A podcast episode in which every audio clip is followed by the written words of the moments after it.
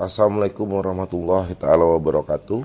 Selamat pagi untuk adik-adik semua. Hari ini kita akan masuk pada pembelajaran daring yang menggantikan pertemuan kita di kelas dalam rangka pembelajaran daring untuk menghindari wabah COVID-19. Hari ini kita akan memasuki materi PPH pasal 21.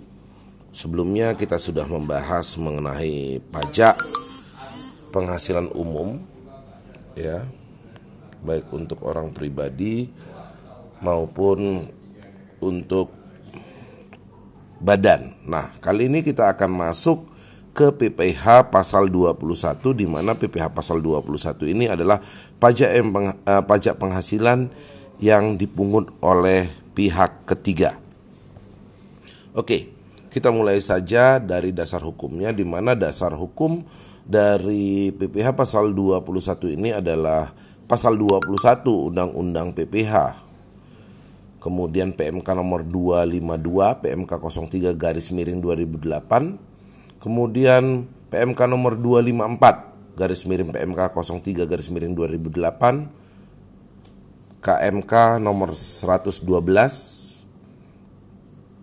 per 31 PJ 2009 per 57 PJ 2009 per 32 PJ 2015 per 16 PJ 2016. Nah, di mana prinsip dari pemotongan PPH pasal 21 ini adalah setiap waj setiap pegawai yang memperoleh penghasilan berupa gaji dan sebagainya wajib dipotong PPh 21 oleh pemberi kerja.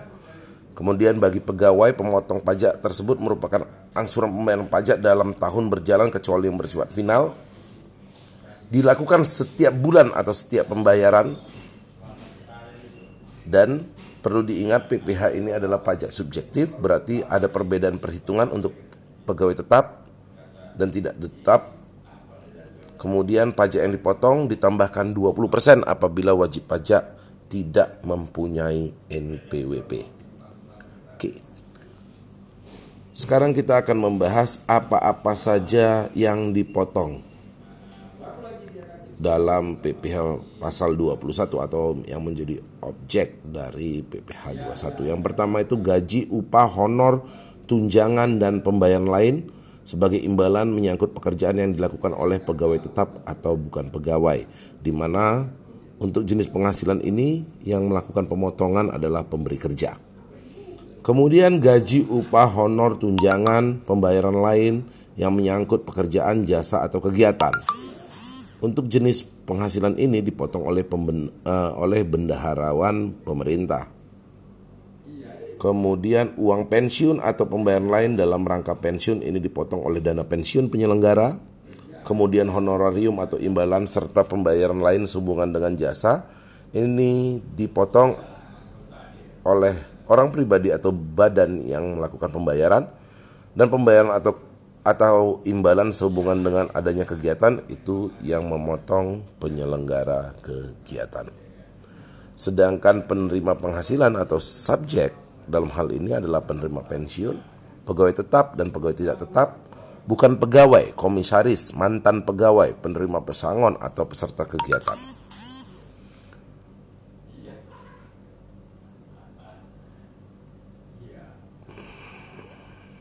Selain objek pajak ada juga yang merupakan penghasilan yang bukan objek dari PPH pasal 21. Yang pertama pemberian dalam bentuk natura kenikmatan seperti mobil dinas, rumah dinas termasuk PPH yang ditanggung oleh pemberi kerja. Kemudian pembayaran langsung kepada dana pensiun jam sostek berupa iuran pensiun, THT, JHT oleh perusahaan dan beasiswa kecuali kepada pemilik, komisaris direksi dan pengurus. Pengurang yang diperbolehkan dalam menghitung PPh pasal 21 untuk pegawai tetap ada biaya jabatan yang nilainya sebesar 5% atau maksimum eh, maksimum 6 juta setahun atau 500 ribu per bulan ya. Jadi 5% dari penghasilan bruto atau maksimum 6 juta setahun dan 500 ribu per bulan. Kemudian ada iuran pensiun THT JHT yang dibayar pegawai kemudian ada lagi pengurang berupa biaya pensiun yang nilainya maksimal 5% dari uang pensiun yang diterima atau maksimum 240 ribu setahun atau 200 ribu per bulan. Kemudian yang bisa menjadi pengurang adalah PTKP. Ya, PTKP seperti biasa untuk wajib pajak 54 juta sebulan. Kemudian untuk wajib pajak yang telah menikah ada tambahan 4 juta 500 ribu per bulan eh, per tahun sorry 54 juta per tahun tadi untuk WP dan ada tambahan 4 juta 500 per tahun juga kemudian ada tambahan untuk anggota keluarga yang menjadi tanggungan itu maksimum tiga orang di mana masing-masing memperoleh 4.500 per tahun. Yang bisa menjadi tanggungan ini adalah anak dan orang tua sedarah semenda.